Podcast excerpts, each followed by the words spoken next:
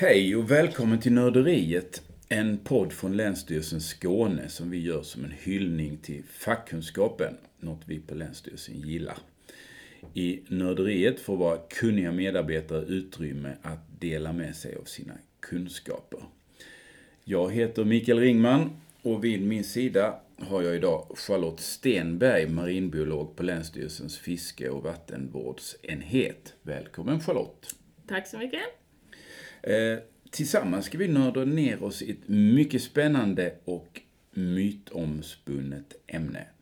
Hajar. Charlotte, du råkar ju vara en av de som kan mest om hajar i det här landet. Även om du oftast jobbar med helt andra vattenfrågor här på Länsstyrelsen.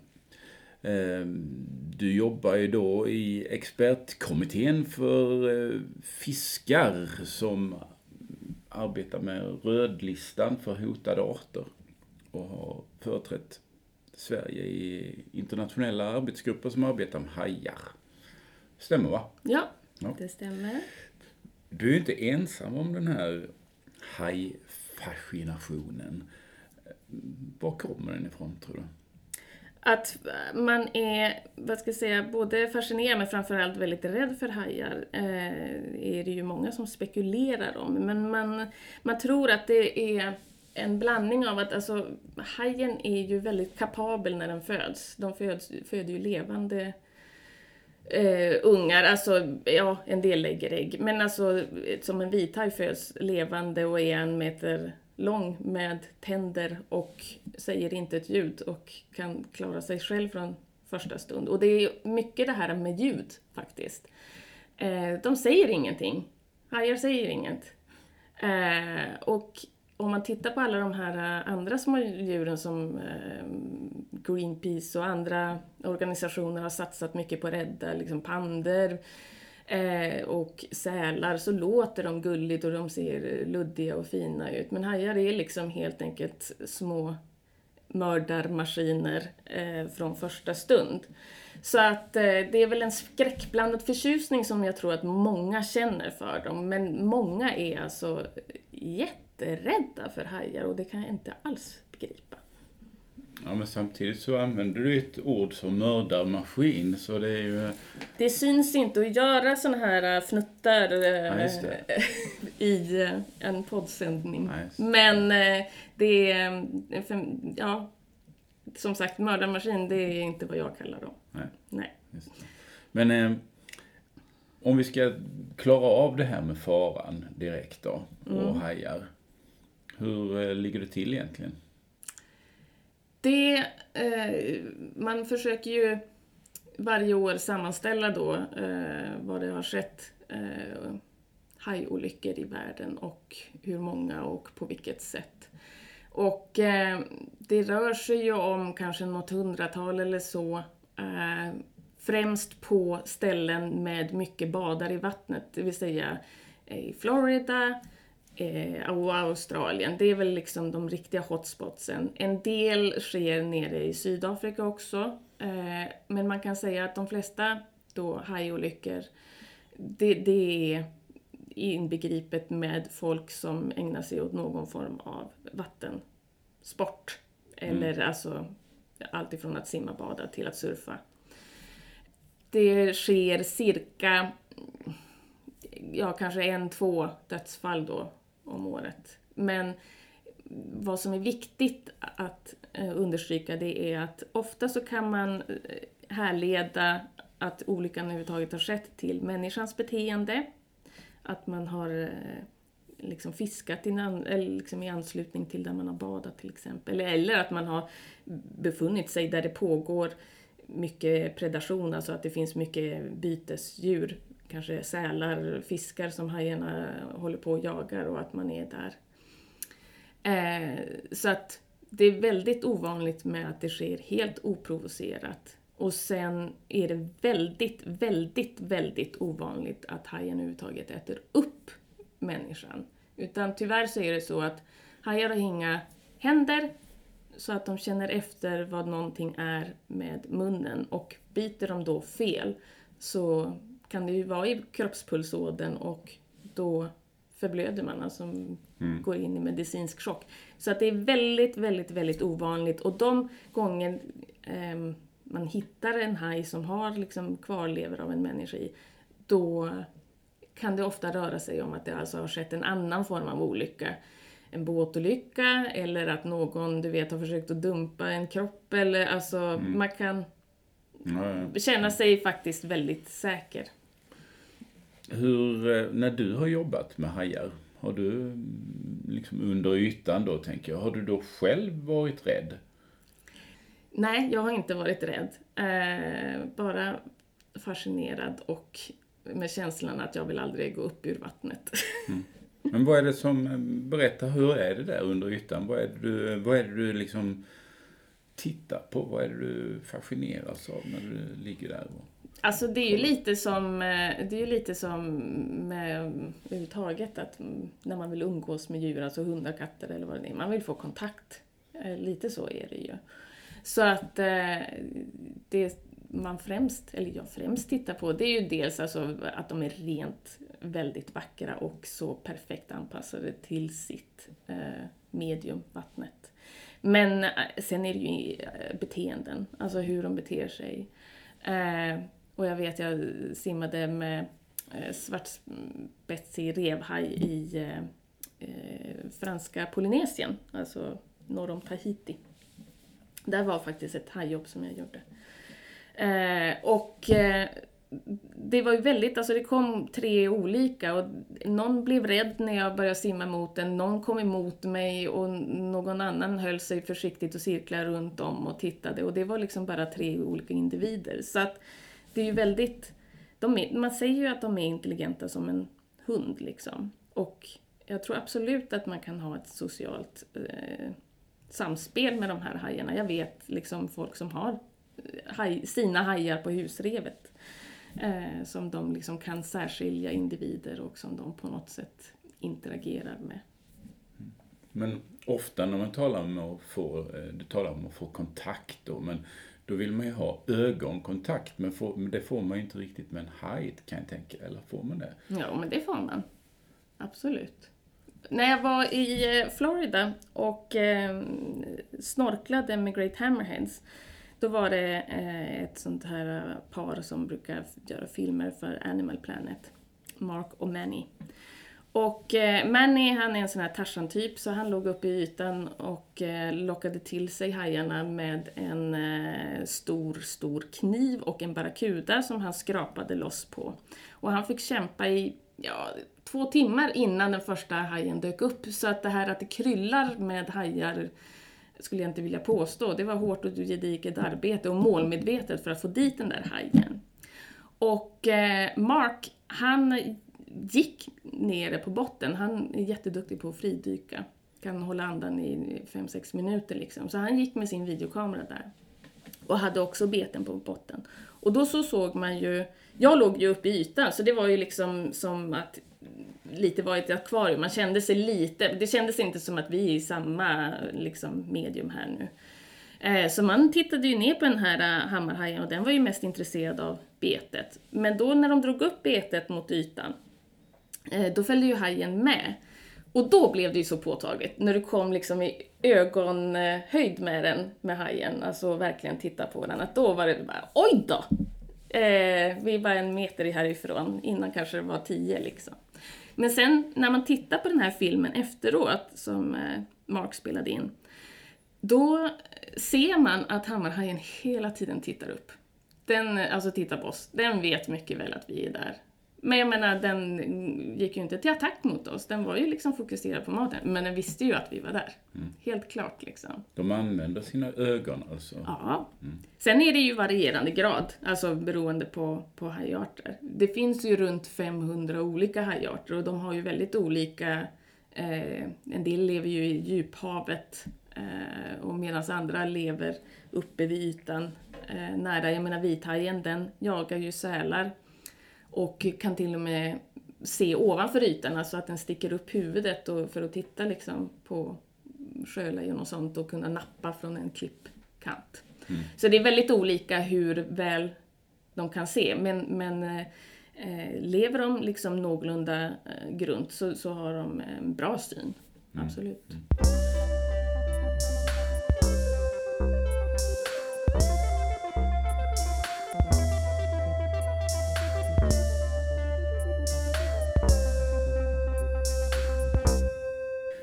Idag ska vi främst tala om svenska hajar ju.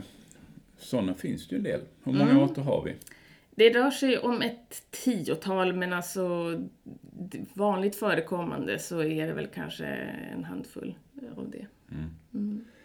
Eh, Och vilka av dem finns eller kan finnas i, här i våra vatten här kring Skåne?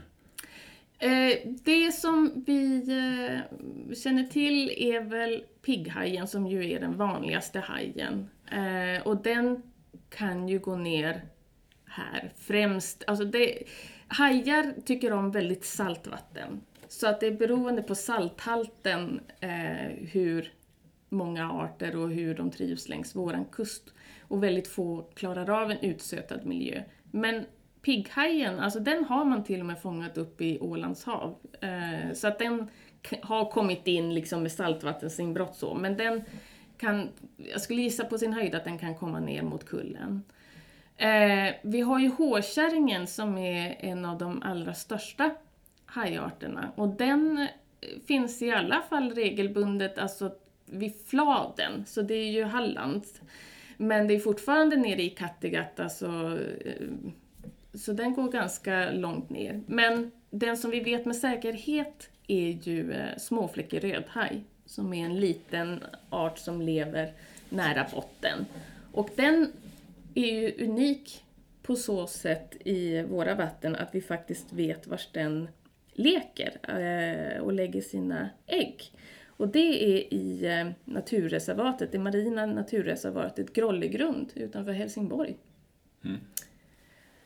Och det, mm, det är väl ganska ovanligt att man känner till var reproduktionsplatsen finns när det gäller hajar, antar jag. Ja, alltså om man tittar på nästan vilken art som helst så eh, finns det otroligt stora kunskapsbrister eller kunskapsluckor på var, var hajar både parar sig och sen får sina ungar. Inte ens pigghajen som är så vanlig och eh, är vi helt säkra på var de släpper sina ungar. Men jag gjorde ju då mitt exjobb på pigghajen. Och eh, jag tittade dels på ålder, eh, för de har taggar framför ryggfenorna så att man kan läsa liksom årsringar lite som träd på dem. Och sen så tittade jag på hur många ungar de hade och hur stora de var. Och eh, pigghajen blir alltså könsmogen när den är kanske 12-13 år. Det är ju väldigt gammalt. Och sen så tar, alltså det tar kanske 20-22 månader för dem att utveckla de här ungarna som rör sig om 8-10 stycken i princip. Eh, och det är ju också extremt långt, alltså det är ju nästan som en elefant. Alltså det är väldigt, väldigt lång. Eh, och det gör ju att de är väldigt, väldigt sårbara för eh, fiske. Och i vårat, alltså norra Bohuslän då, där hade man ett tag ett riktat garnfiske efter pigghaj. Och då var det främst de stora honorna man ville ha. Eh, men de var antagligen där för att släppa sina ungar. Så att eh, det fisket fick jag arbeta ganska aktivt för att eh, man skulle begränsa och nu har det varit stängt i många år faktiskt. För att eh, de är så känsliga för det här med, med fiske. Och de hade gått ner i, i den här ICES-arbetsgruppen så räknar vi med att de hade gått ner med 95 till 97 procent. Eh, och ändå så tog det väldigt lång tid innan man överhuvudtaget agerade för det. Och jag menar ålen då som vi alla vet är så hotad, den hade gått ner med 99 procent. Och där satte man ju in mycket större resurser eh, tidigare. Men, men eh, hajen eh, var inte tillräckligt eh, viktig kommersiellt för att man skulle göra det. Men som sagt, till slut så blev det nollkvot och den, den är kvar. Alltså. När blir det det? Eh, tiden går ju. Var det 2007, 2008 eller någonting. Alltså det, Har det blivit någon återhämtning? ja, alltså det är ju alltid så här, äh, hur ser man att någonting har återhämtat sig när man inte får fånga arten? Eh, och det, det är ju alltid, när man vill begränsa ett fiske och har begränsat så säger yrkesfiskarna det har aldrig varit så mycket haj som nu eller sådana. Men vi har ju inga bra siffror på det. För det fanns inte heller något eh, riktigt bra nationellt eh, provtagningsprogram som man kanske har för eh, torsk och andra arter. Men eh, man ser väl ändå att det har gjort resultat, men uppenbarligen så, så har det ju, eller det tar ju tid med, med en art som liksom är 12-13 år för första reproduktionen så är det klart att då måste man ju vänta alltså 10-20 år innan det eh, riktigt visar resultat. Och sen så jag kan ju inte tänka mig att man någonsin kan ha ett speciellt stort riktat fiske efter arten alltså. Är pigghaj den vanligaste svenska hajen? Alltså pigghajen har överhuvudtaget sett som den vanligaste hajarten i världen. Eh, det finns, den finns i Stilla havet men man är väl lite osäker på om det är exakt samma art. För att de skiljer sig att i Stilla havet så blir de större och äldre och så. Men, men den har ju överhuvudtaget setts och den finns liksom vitt spridd, alltså både på nord och sydklotet liksom. Eh, så att den är definitivt den vanligaste. Sen likadant, jag menar småfläckig rödhaj, vi vet inte hur mycket som finns för den har liksom aldrig varit en kommersiell art i våra vatten. Eh, nere i Portugal så har jag sett att man eh, har ätit den bland annat. Men eh, den är antagligen också inte särskilt ovanlig. Hur stora är de här två arterna då? Pigghaj och småfläckig rödhaj? Alltså pigghajen blir ju upp till 120 centimeter ungefär. Eh, och småfläckig rödhaj är väl ja, 60-70. Det är en liten, liten haj.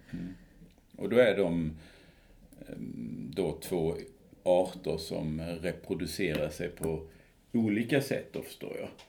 Ja, precis. precis. Och då den ena lägger ägg och den andra för levande ungar. Ja. Alltså alla hajar har inre befruktning. De har liksom omgjorda vad heter det, analfener, hannarna då. Så att de har två parningsorgan faktiskt. Eh, och genom det här då så eh, har, har de alltså eh, inre befruktning. Men sen så skiljer det sig väldigt mycket åt hur eh, hajarna faktiskt föder fram sina ungar. Eh, en del lägger då ägg. Och eh, alltså vad som gäller för alla hajar är att de har liksom ingen yngelvård. De i så fall lämnar äggen och sen drar de. Och sen när den kläcks så är, är ungen liksom, klarar den sig själv liksom. Och det, det gäller även för de som, som de föder ut så. Men eh, alltså pigghajen då, den eh, har gulesäck och ligger inne i mammans mage tills den har liksom sugit upp hela näringen och då föds den. Men sen finns det eh, andra hajarter, till exempel som siamtigerhajen som är eh, väldigt populär i akvarier för att den ser så farlig ut men den är inte, den ser mer skräckinjagande ut vad den är och den, den tål att vara i akvarier. Eh, och den, där äter ungarna upp eh, ägg och även sina syskon i, redan i magen hos, eh, på mamman. Eh, Eh, så de får en väldigt stor eh, vad heter det, mage som är fylld med ägg. Alltså de ser, det ser väldigt eh, speciellt ut. Väldigt... Eh, alltså en uppsvullen mage liksom. Eh, så. Och sen finns det eh, vissa hammarhajar som har som en eh, navelsträng till mammans, alltså till väggen och få näring från mamman på det sättet. Mm. Så att just det här med hajars reproduktion är otroligt spännande faktiskt. Jag tror inte jag du, du pratar om två parningsorgan, men jag förstod liksom inte hur själva parningen gick till. Du, du var inte så explicit där. Kan, du, kan vi ta få lite detaljer? Ja, det är helt enkelt så att eh, de använder en åt gången och Mm. den roterar fram och sen så biter hanen eh, fast i honan för de har ju inga händer. Eh, honan har som tur är förstärkt eh, skinn framme vid bröstfenan där han biter tag så hon är lite tålig för den här eh, hanteringen. Och sen för han in det här parningsorganet helt enkelt i hennes kloak. En kloak betyder att man har eh, alltså det är en öppning för både vad heter det, restprodukterna och även alltså då könsöppningen. Mm. Och eh, så eh, tumlar de runt. Eh, det kan vara ju så att han eh, trycker ner henne på botten också liksom. Eh, helt enkelt. Och så utvecklas, alltså så blir ungen, eller äggen befruktade och utvecklas. Men sen på senare år så har man ju sett alltså hajar som har fötts i fångenskap och egentligen aldrig har, alltså kan ha träffat en hane och så ändå har de fått ungar. Så det är också en sån här grej, alltså är de liksom, eh, kan de ägna sig åt jungfrufödsel? Ja, det verkar så. Spännande. Ja, och d- så, att, så att det här att komma förbi den här frågan med hajolyckor och sådana saker och komma och grotta ner sig, ja, nörda ner sig i det här med hajreproduktionen. Det är det man, alltså många av mina hajkollegor, eh, det är det liksom, det är där man eh, fastnar sen alltså. För att när man väl har börjat lära sig mer om det så inser man att det här är otroligt spännande. Men det här med att ha två, att Mm. hanen har två parningsorgan, vad är det för poäng med det? Nej men det är nog helt enkelt att det är symmetriskt.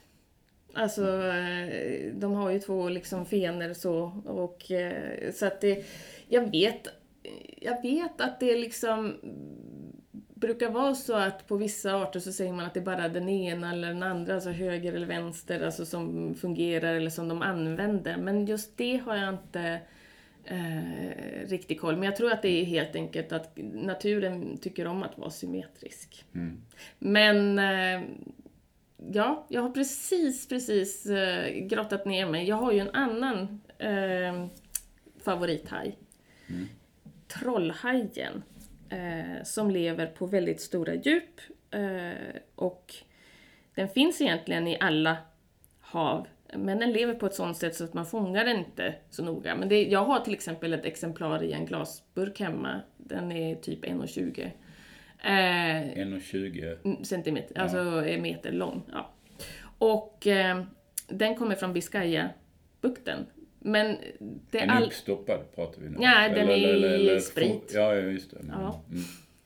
Men, eh, men den lever främst eh, utanför Japan, eller där har man fångat många eh, arter, eller ja, exemplar, liksom, i, och både stora och små. Och jag har precis här nu under julhelgen eh, diskuterat ett exemplar som var unik på det sättet att den hade bara ett parningsorgan. Och den här japanska mannen, jag vet inte hur många gånger han nog kunde poängtera detta och skickade bilder där han glatt pekar på den här trollhajen med bara ett parningsorgan. Men eh, som, som sagt, det var väl en, en missbildning, eh, helt enkelt. På vilka djup lever den? Ja, de grundaste har man nog fångat runt 30-40 eller 40-50 meter så. Och sen så ner på typ flera tusen meter. Det som är att man inte fångar den eh, så ofta, ja förutom att den egentligen alltså inte har något kommersiellt värde. Eh, men, men det är att den lever i canyons som är alltså undervattensraviner med väldigt taggiga formationer, alltså och överhäng och sånt, så att den kan gömma sig.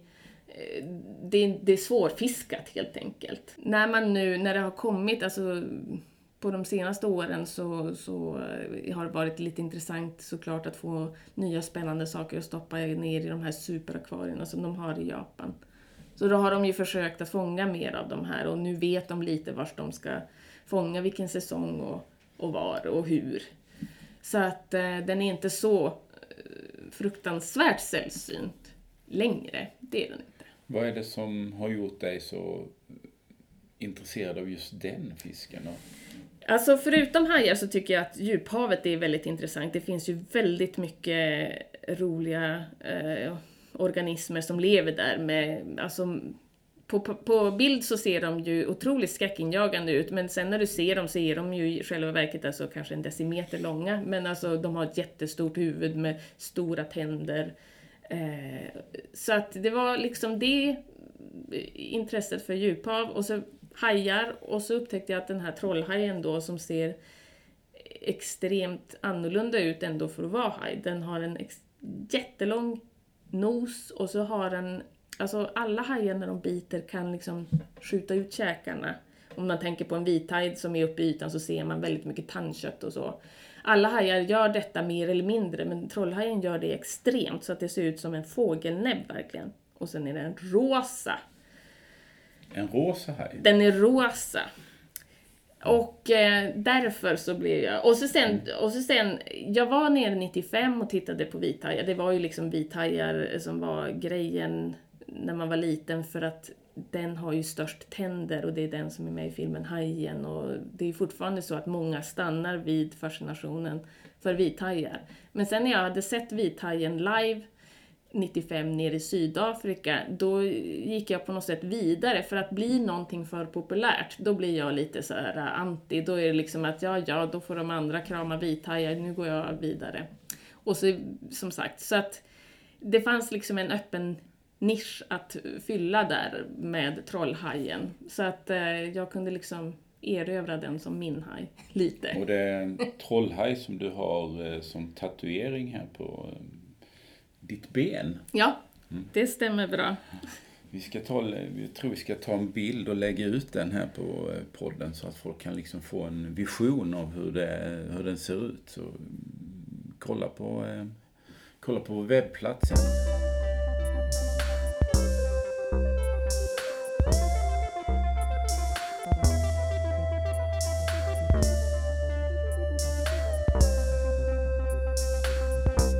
Nu har vi pratat om ett par, par hajarter här. Vi, vi kan väl ta någon eh, eh, svensk art till. Eh, vi pratade ju tidigare om att du hade någon, någon, någon idé om att eh, du ville att din man skulle byta namn efter en, en, en eh, hajart. Och vilken var det? Ja, jag tyckte att eh, Håbrand är ett väldigt bra namn.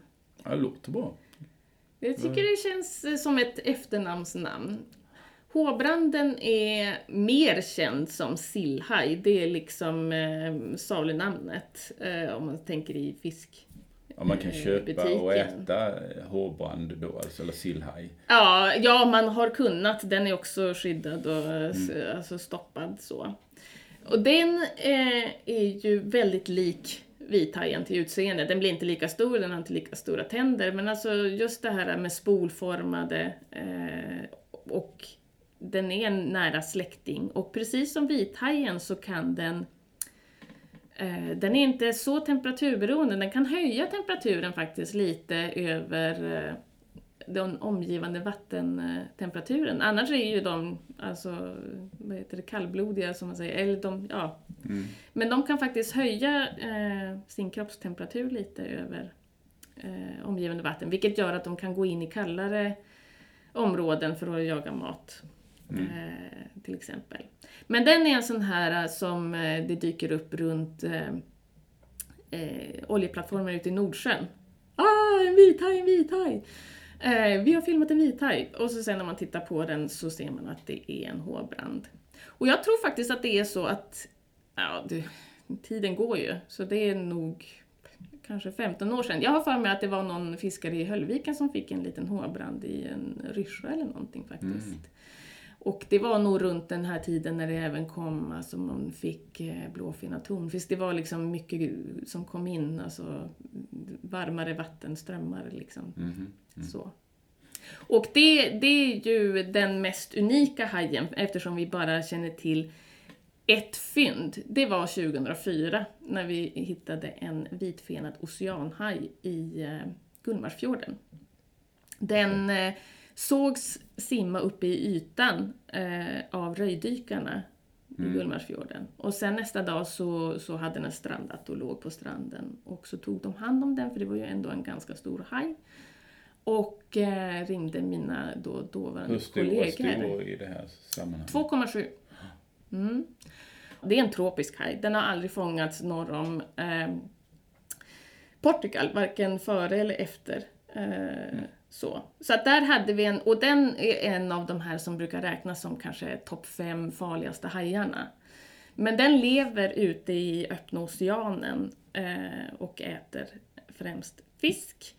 Så det är liksom ingen som vanliga människor eh, naturligt egentligen stöter på. Det kan vara så att dykare som vill träffar på den, eller sådana som se, alltså seglar över kors Atlanten kan de följa efter. Men, men den är en sån här eh, art som Ja men den är opportunistisk. Så om det sker en fartygskatastrof eller en flygplansolycka så eh, är den där.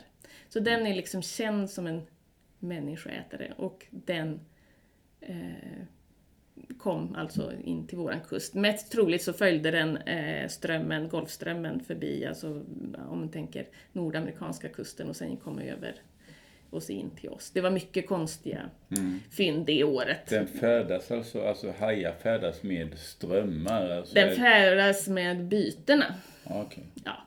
Så att de, eh, den äter fisk och de simmar, eh, så följer hajarna med. Som den här håbranden, eh, den äter makrill och sill. Så att om du fångar det så kan du få en håbrand också. Liksom så. Mm. Pigghajen går ju i stora stim medan de här håbranden och så, de är mer solitära. De går inte i sådana stim vad man vet.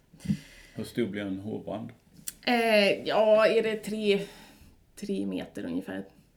Tre, fyra. Den är ganska biffig men som sagt ändå väldigt spolformad och elegant så. Mm. Vi har ju en annan, alltså vi har ju två till som är, den allra, världens största haj är ju valhajen mm. och den är ju tropisk. Eh, så den lever ju tyvärr inte här. Men vi har ju brugden som är den näst största. Och den var ju vanligare, ja, 40, 50, 60-tal liksom. Eh, den vad det, jagades, eller man, man eh, fiskade den rätt hårt för att man ville åt eh, den lever, oljan i levern. Det var innan man kunde göra såna här vitaminer, syntetisera vitaminer bland annat. Och lampolja, smörjmedel, sådana saker. Så, så jagade man mycket haj och särskilt brudden för det ändamålet då. Och var finns den?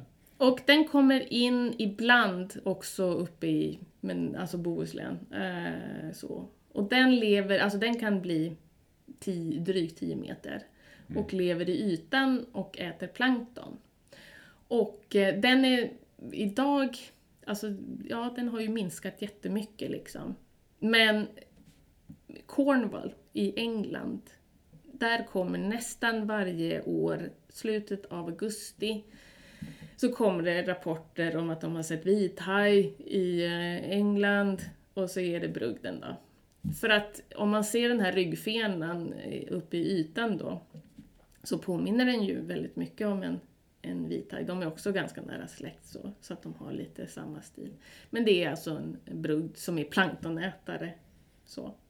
Och sen en eh, tredje då, hårkärringen, den är också en av de allra största eh, hajarna. Och den är ju väldigt speciell eh, för att det kom ju i somras en eh, dansk studie där man hade mätt eh, radioaktiviteten i linsen på ett antal hårkärringar, främst fångade tror jag utanför Island. Hårkärringen är den som man gör surhaj av. Mm.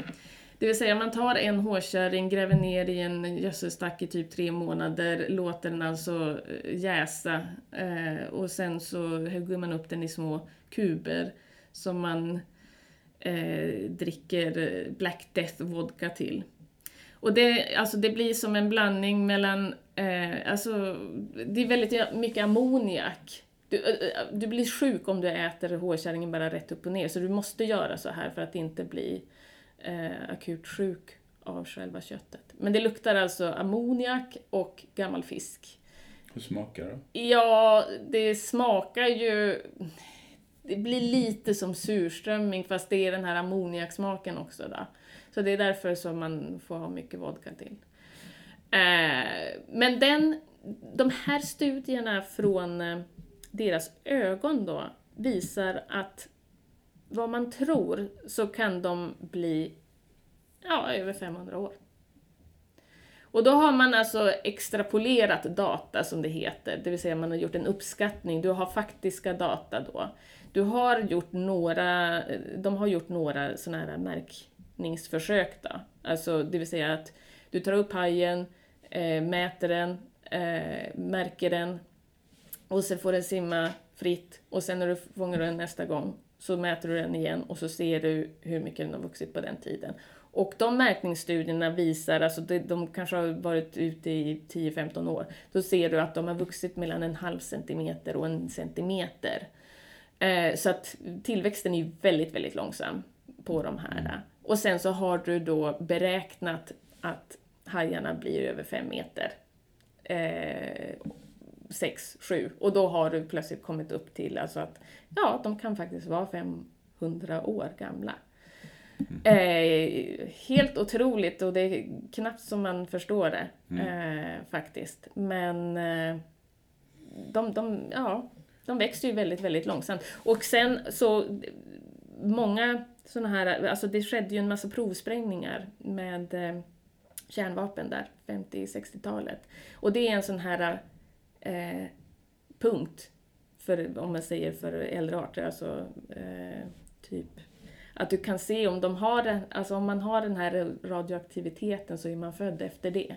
Och många av de här hajarna hade inte det. Så att de i alla fall åtminstone visste man då födda innan mm. 50-60-talet. Liksom. Mm.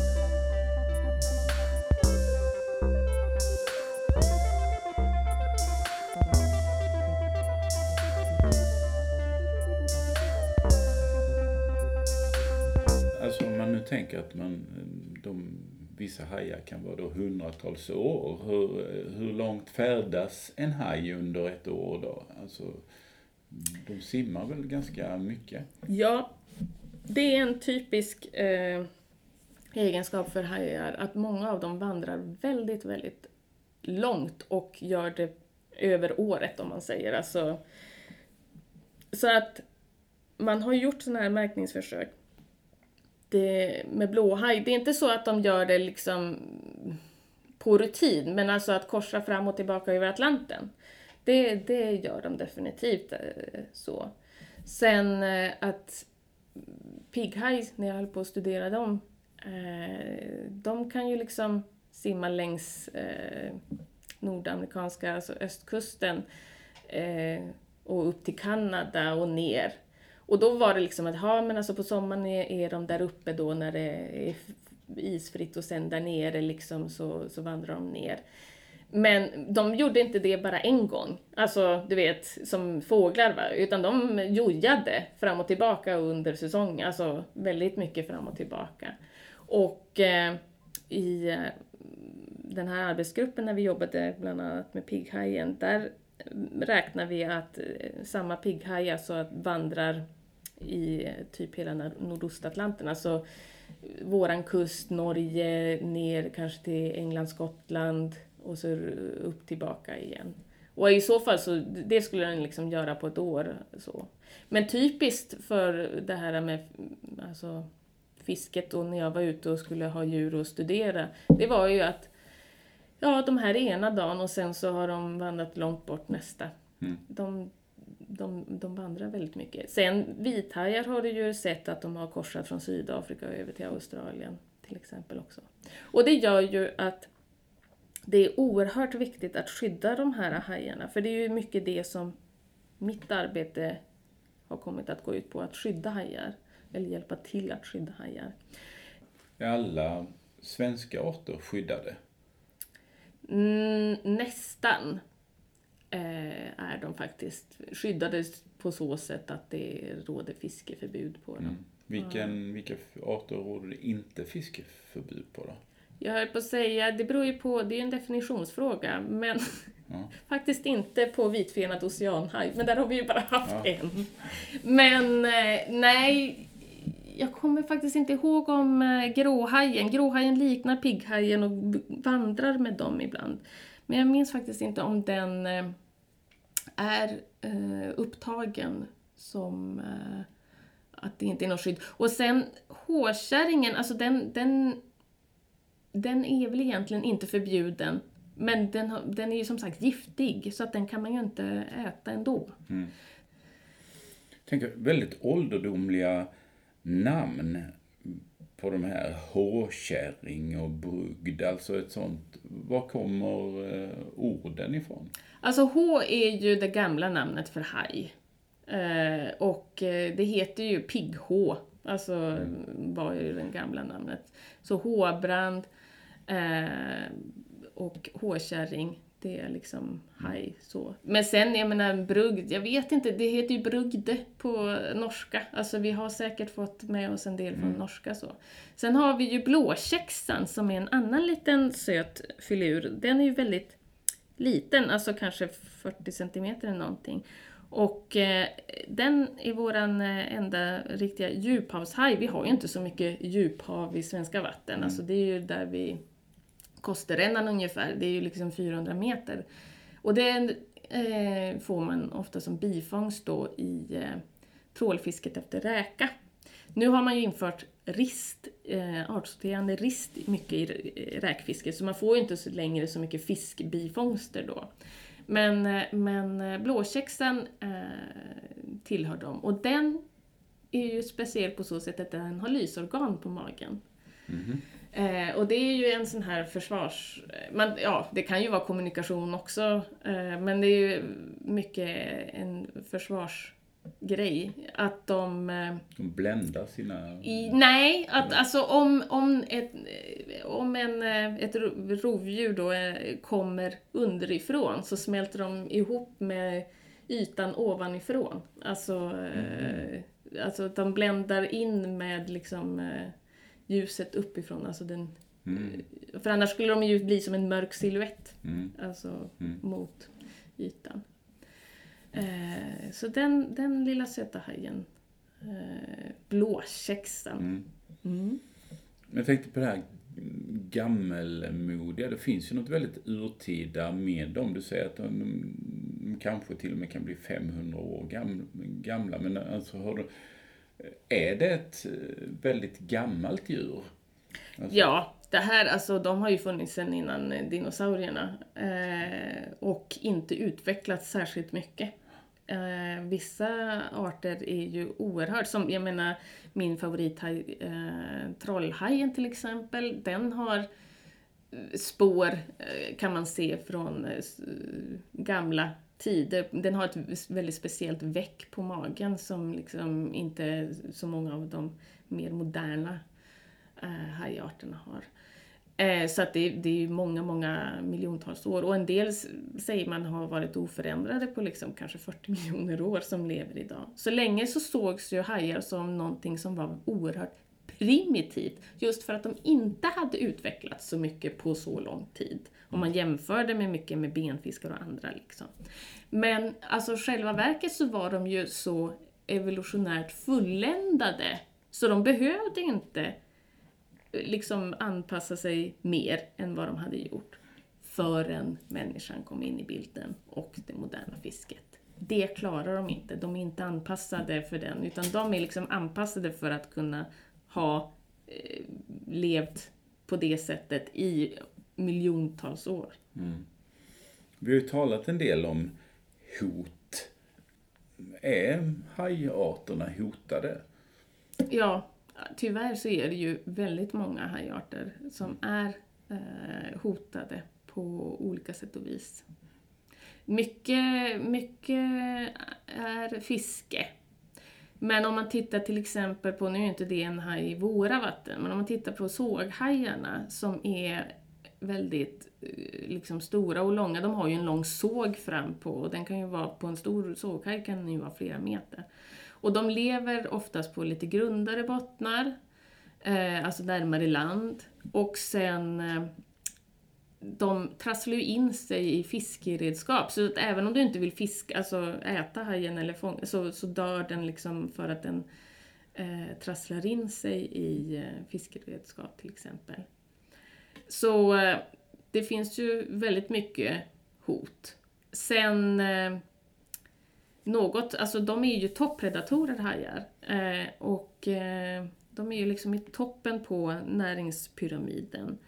Och då funkar det så att tungmetaller då, om det kommer in liksom tidigt ner och de äter så anrikas det i toppen. Det, det är precis som problemen med sälar och eh, örnarna alltså i Östersjön på 70-80-talen. Alltså precis. Och den konsekvensen vad till exempel tungmetaller kan ha för själva hajen. Det kan ju, alltså hos fåglar och eh, sälarna så ger det ju reproduktionsskador. Men vad det exakt får för konsekvenser för en haj, det har man väl inte riktigt kunnat utreda. Men det är i alla fall ett starkt skäl till att få eh, de i Asien, framförallt Kina, att sluta äta hajfenssoppa. Alltså att det kan vara en hälsofara att äta hajfenssoppa. För om du inte kan komma med något annat om att det är synd om djuren eller att du vet divers, alltså diversiteten eller sådana saker, så människors hälsa, så, så får du spela på det kortet. Då. Mm.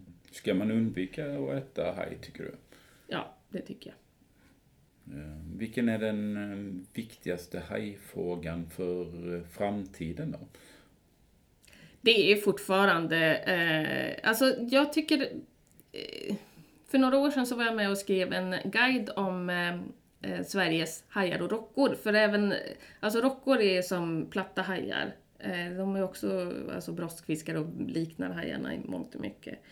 Och eh, vi uppdaterar som sagt rödlistan vart femte år. Senast det var 2015 och eh, snart så drar man ju igång arbetet för eh, 2020 års. Och med den här guiden så ville vi eh, visar dels på att det finns ett antal olika arter och sen vill vi ju få in data från yrkesfiskare, från fiskare och privatpersoner, alla som liksom gör iakttagelser om hajar och rocker. Och att man rapporterar in det här till eh, Artportalen. Eh, för att som det är nu så, vi har så dålig kunskap fortfarande om eh, eh hajar och som sagt var vi, vi, behöver veta var de leker eller får sina ungar så att man kan skydda de områdena från fiske till exempel. För det kan vara så att de eh, blir bifångster, alltså det är inte riktat fiske men att de är bifångster. Så att kunskapsbristen är fortfarande A och O, att vi måste få mer data för att kunna liksom skydda hajarna. Hur påverkas hajar av klimatförändringar? Ja, när det blir varmare i vattnet så eh, finns det ju alltså möjligheter att de söker sig eh, längre från ekvatorn, alltså upp och ner kan man säga liksom. Så det skulle kunna bli fler haj, hajarter i Sverige med omnejd? Ja, eh, det skulle det ju kunna bli. Det finns en amerikansk organisation som sätter på satellitmärken på vithajar bland annat. Och eh, så kan man eh, se faktiskt på deras hemsida i realtid hur hajarna simmar. Och då var det en vithaj som hette Lydia som vandrade, hon märktes utanför tror om det var Florida eller någonstans. Och så vandrar hon upp längs mittatlantiska ryggen. Det är ju som en bergskedja, en undervattensbergskedja som går mitt i Atlanten. Och så vandrade hon upp och eh, plötsligt så var hon i höjd med Irland, England liksom. Och eh, då började ju media genast skriva att nu hade vithajen nått Englands kust. Och jag eh, vet att jag mätte på kartan, alltså det är 130 mil från irländska kusten, så att jag vet inte om den precis var... Det var inte jättenära? Nej, inte jättenära. Men då talade eh, någon från Den blå planet här i, eh, vid Kastrup, det akvariet och sa att ja, men nu hade man ju sett den i England och det dröjde nog inte länge förrän den var i danska vatten. Och då högg ju eh, svenska medier på och sa att eh, ja, danskarna, nu säger de alltså att den kommer här till danska vatten, så att nu är den typ i Öresund. Eh, men vad man inte tänker på i det här fallet är ju att Danmark har en stor Nordsjökust. Va? Så att eh, ja, den kan komma till danska vatten i princip, men notera, den kom inte högre än 130 mil från irländska kusten. Men eh, vips så hade den placerat sig. Vithaj i Öresund tror jag att det var liksom rubriker i princip. Mm. Eh, så att det är ju den stora, det, det är ju den helig graal. Att få en vithaj i eh, våra vatten, det är ju liksom allas dröm, fast på olika sätt och vis. Mm. Jag antar att många inte vill ha någon där mm. eftersom mm. de badar. Och den lär inte komma till Öresund i vilket fall för att det är för bräckt vatten. Ja, nej precis. Alltså inte i första taget. Och eh, ja, vi lär ju märka liksom, skulle jag tro, på vägen dit och ner. Mm. Att den, om den kom. Jag har förstått att hajar, många hajar är i rörelse precis hela tiden. Stämmer det? Att de, de, de liksom stannar aldrig? Mm. Du tänker på det här att eh, om de stannar så sjunker de? Ja, precis. Mm. Eh, ja, det, och det var ju länge en myt om att de dessutom dog om de eh, inte rörde sig. Och det stämmer bara för vissa hajarter. Vissa som till exempel vithaj och så, de är väldigt känsliga för det här. De behöver simma för att få syre, eh, alltså syrerikt vatten över gälarna. Men det finns, som småfläckig rödhaj till exempel, den ligger ju på botten och kan pumpa mm. eh, vatten mm. över gälarna. Men ja, alltså hajar har ju ingen simblåsa som benfiskar har. Eh, så att den, det är i princip bara den här sandtigerhajen som finns i många akvarier som ser så farlig ut. Den kan svälja vatten uppe vid ytan, eller svälja luft uppe vid ytan så att den liksom får luft i magsäcken. Så att den kan hålla sig rätt stillastående i vatten. Men annars så sjunker de, de är tyngre än vattnet. Eh, men det behöver liksom inte vara något problem för det, mm. för hajen. Mm. Men eh, de... Jag tänker de flesta arter behöver ju vila och någon form av sömn. Mm. Alltså hur, eh, hur, eh, hur kopplar hajen av? Alltså, det, jag tror att det är lite som... Alltså delfiner sover ju med olika hjärnhalvor brukar man ju säga. Eh, för de är ju likadant där och de ska ju dessutom, för jag menar de kvävs ju eller drunknar ju om de inte är uppe och andas liksom vid ytan så. Eh, det är faktiskt en sån här äh, fråga som man inte är riktigt säker på om hajar äh, verkligen sover eller inte. Äh, eller behöver eller så. Men alltså jag tror att de, alltså, eller vad man tror så är det i princip att de simmar på autopilot alltså, och vilar mm. sig på det mm. sättet. Mm. Mycket spännande det här. Eh, Charlotte, jag tackar så jättemycket för eh, det du har berättat här och eh, till er som lyssnar så eh, vi lägger ut en del länkar också på, på vår webbplats så att man, vi kanske kan eh, skicka med någon länk till den här eh, sajten där man kan se hur eh, hajar simmar i realtid och så. Absolut. Ja, ja men så ehm, Kolla in där så får ni veta ännu mer och sen återkommer vi om eh, några veckor med mer eh, nörderier eh, här från Länsstyrelsen. Hej hej!